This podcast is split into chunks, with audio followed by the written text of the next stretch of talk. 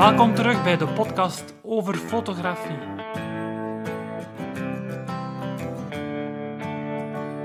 De Nederlandstalige podcast, volledig gewijd aan fotografie.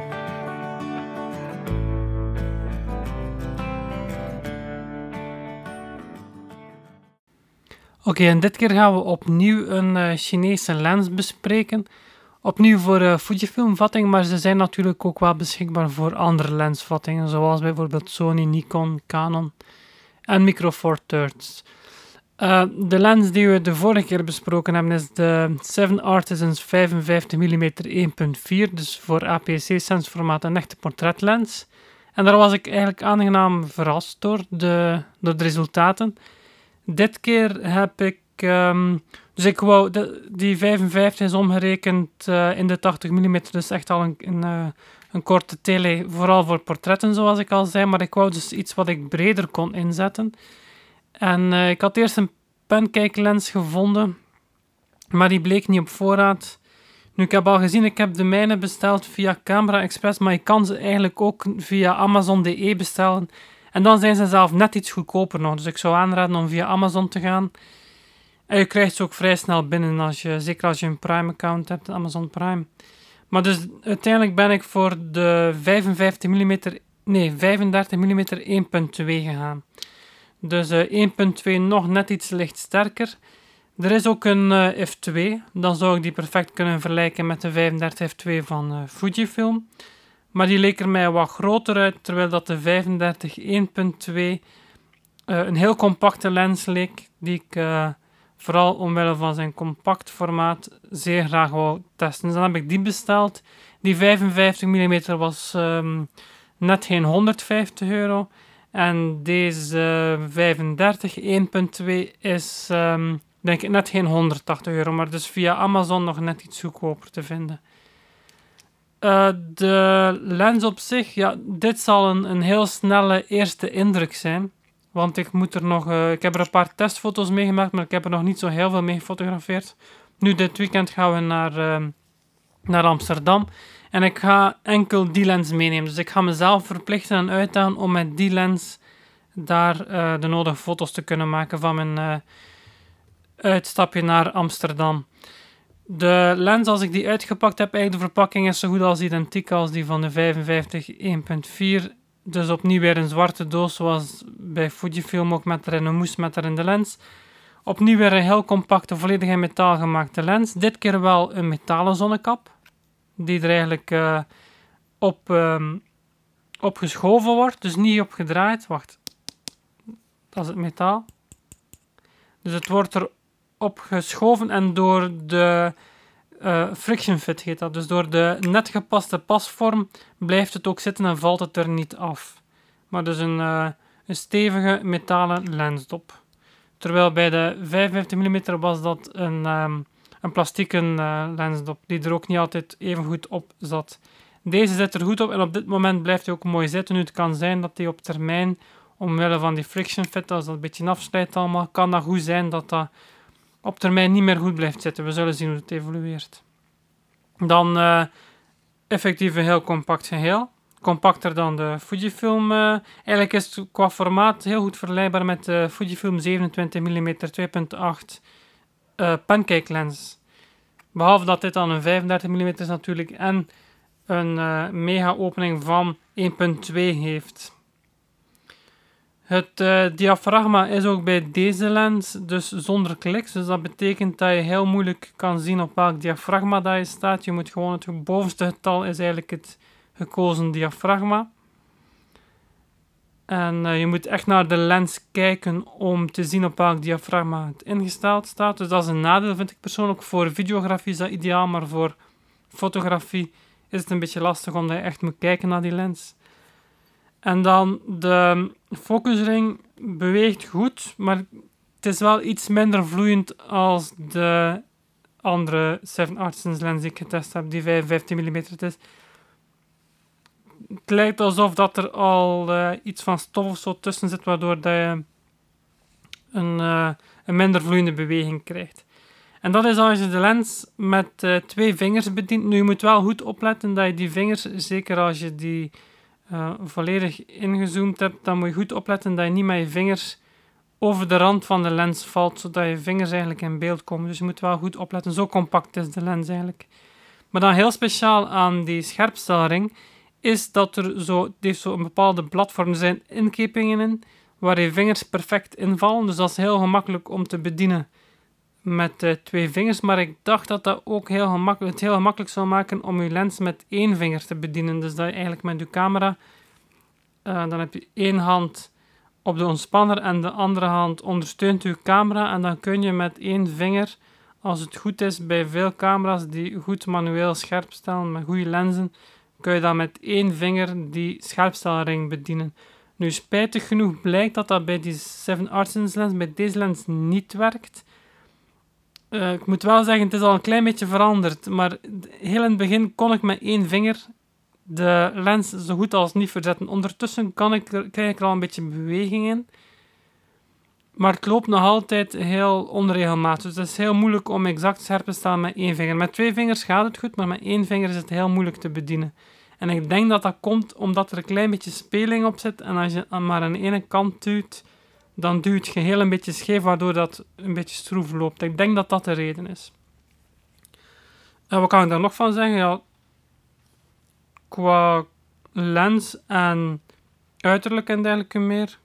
Ja, dus de, ik had kritiek op de vorige, op de 55 mm 1.4 dat daar geen indicatie op stond, dacht ik eerst voor het koppelpunt. Dus de twee dots, die, de twee puntjes die je moet uitlijnen.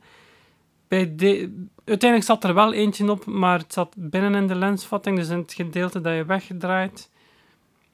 Uh, en het was een witte aanduiding. Bij deze lens is het dus toch wel een rode aanduiding, maar het zit nog altijd aan de binnenkant waar aan de schroefjes zitten. Dus van zodra dat je het geheel op elkaar plaatst, is het niet meer zichtbaar.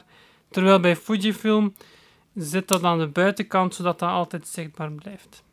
Dus is een klein minpuntje. Opnieuw, er zit geen zonnekap bij. Dat is opnieuw ook een, uh, ook een nadeel, vind ik persoonlijk. En zeker als je dan bedenkt wat dat dan maar kost voor de producent om daar zo een plastieke zonnekap bij te zetten. Ja, dat spijt dat dat er niet bij geleverd is. Ze hebben wel budget om een uh, metalen lensdop uh, te fabriceren. Dan hebben ze volgens mij ook wel budget om een zonnekap te maken. Dat, dat hoeft zelf niet in metaal. Het zou leuk zijn, maar het hoeft niet. Maar dan, we willen natuurlijk vooral weten ook of dat, dat mooie beelden oplevert. En ik heb eerlijk gezegd nog niet zo heel veel foto's gemaakt. Ik heb echt zo een paar um, testfoto's gemaakt. Maar daar zal ik dus ongetwijfeld verandering in brengen tijdens mijn weekendje Amsterdam. Uh, ik heb uh, onder andere, de eerste foto die ik maakte was eigenlijk van mijn kat met, uh, die in de zon aan het uh, zonnen was, aan het rusten was. En dan heb ik die op een volle opening gebruikt. Want zo'n lens, een 1.2 lens, koop je in veel gevallen om, die, om de bokeh, dus om, om de lichtsterkte, om die ook op volle opening te kunnen gebruiken. En uh, die foto was eigenlijk onbruikbaar door de lensflares. Dus de, er zaten allerlei vreemde kleuren en, en lensflares op de foto's. Ik zal ook een video uitbrengen waarin ik die foto's ook laat zien. En ik zal de foto's ook op mijn Instagram uh, plaatsen, zodat je ze daar ook altijd kunt terugvinden. Maar dus uh, op volle opening heel veel last van zon. Dus reden te meer voor de fabrikant om toch een zonnekap te voorzien. Ik heb natuurlijk zonder zonnekap getest. Ik heb geen zonnekap voor deze lens. Dan heb ik een uh, foto gemaakt waarbij dat ik de, um, gewoon mijn hand fotografeerde met daarachter de omgeving. Dus heel dichtbij, opnieuw volle opening scherp op de hand. En dan viel mij op dat um, de in het midden van het beeld mooi scherp was, maar dat je naar de rand toe van het beeld echt wel heel wazig, een heel wazig effect krijgt. Dus de scherpte is niet mooi verdeeld over, over de hele lens. Of over, de hele, of over het hele beeldoppervlak beter.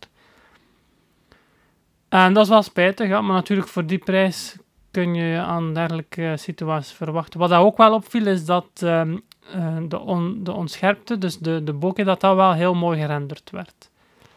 Dus de achtergrond dan bedoel ik, hè, de onscherpe achtergrond.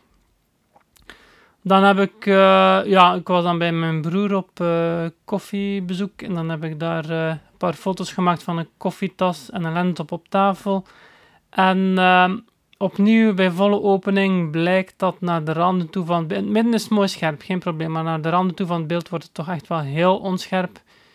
En ook krijg je heel veel ehm, ja, gewoon heel wazig onscherp beeld eigenlijk. Dus heel moeilijk. Ik denk, dit is echt een lens, ondanks dat ik had gehoopt dat ik die ook voor andere dingen dan portretten zou kunnen gebruiken, vrees ik dat die lens zeker volopen bijna alleen maar bruikbaar is voor portretten. Nu goed, we zullen zien. Voor straatfotografie ga je typisch niet volopen gaan fotograferen, omdat je toch wel wat meer uitdaging hebt met het onderwerp scherp te krijgen. Ik heb dan nog een paar foto's gemaakt bij moeilijk licht, dus uh, s'avonds aan de, aan de eettafel. Ah ja, ik had trouwens nog één foto um, bij mijn broer ook genomen.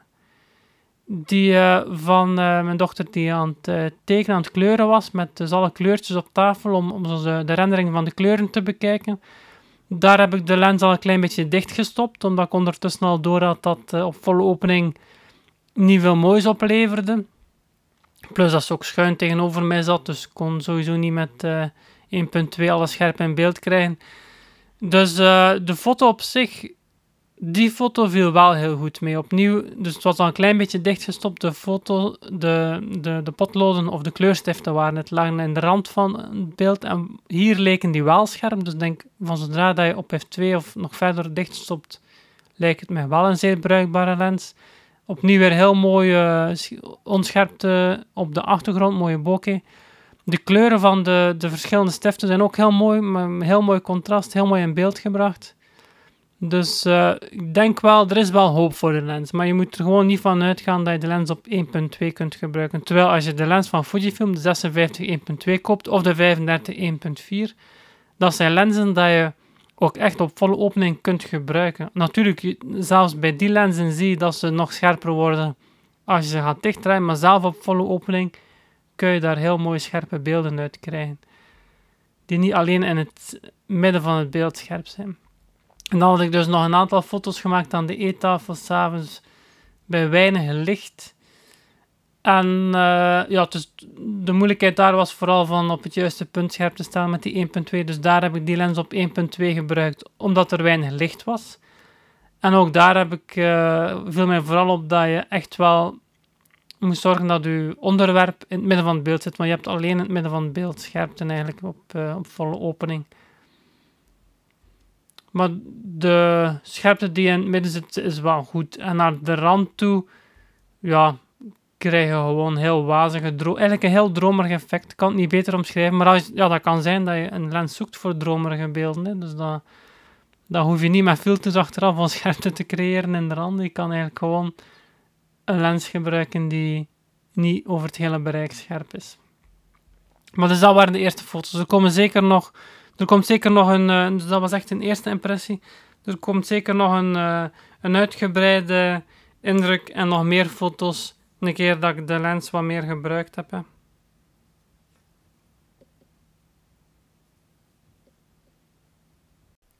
Zo, dat was het weer voor deze aflevering van de podcast over fotografie. Allemaal bedankt om te luisteren. Ja, als er vragen zijn, dan uh, mag je die altijd, of opmerkingen of uh, voorstellen van bepaalde onderwerpen of suggesties, wat dan ook. Je mag die allemaal doorsturen via e-mail naar hans.hcpl.be. Dus Hans is mijn voornaam. Uh, eh, HCPL spel je Hotel Charlie Papa Lima. En .be is de domeinnaam voor België. Dus uh, altijd welkom. Ik doe mijn best om alles te lezen en te beantwoorden. En indien mogelijk verwerk ik natuurlijk ook alles graag in de podcast. En dan zal ik je naam zeker, je voornaam zeker vermelden. Dus uh, tenzij dat je natuurlijk vraagt om anoniem te blijven. Dus dat was het voor deze aflevering. Bedankt voor het luisteren en graag tot de volgende.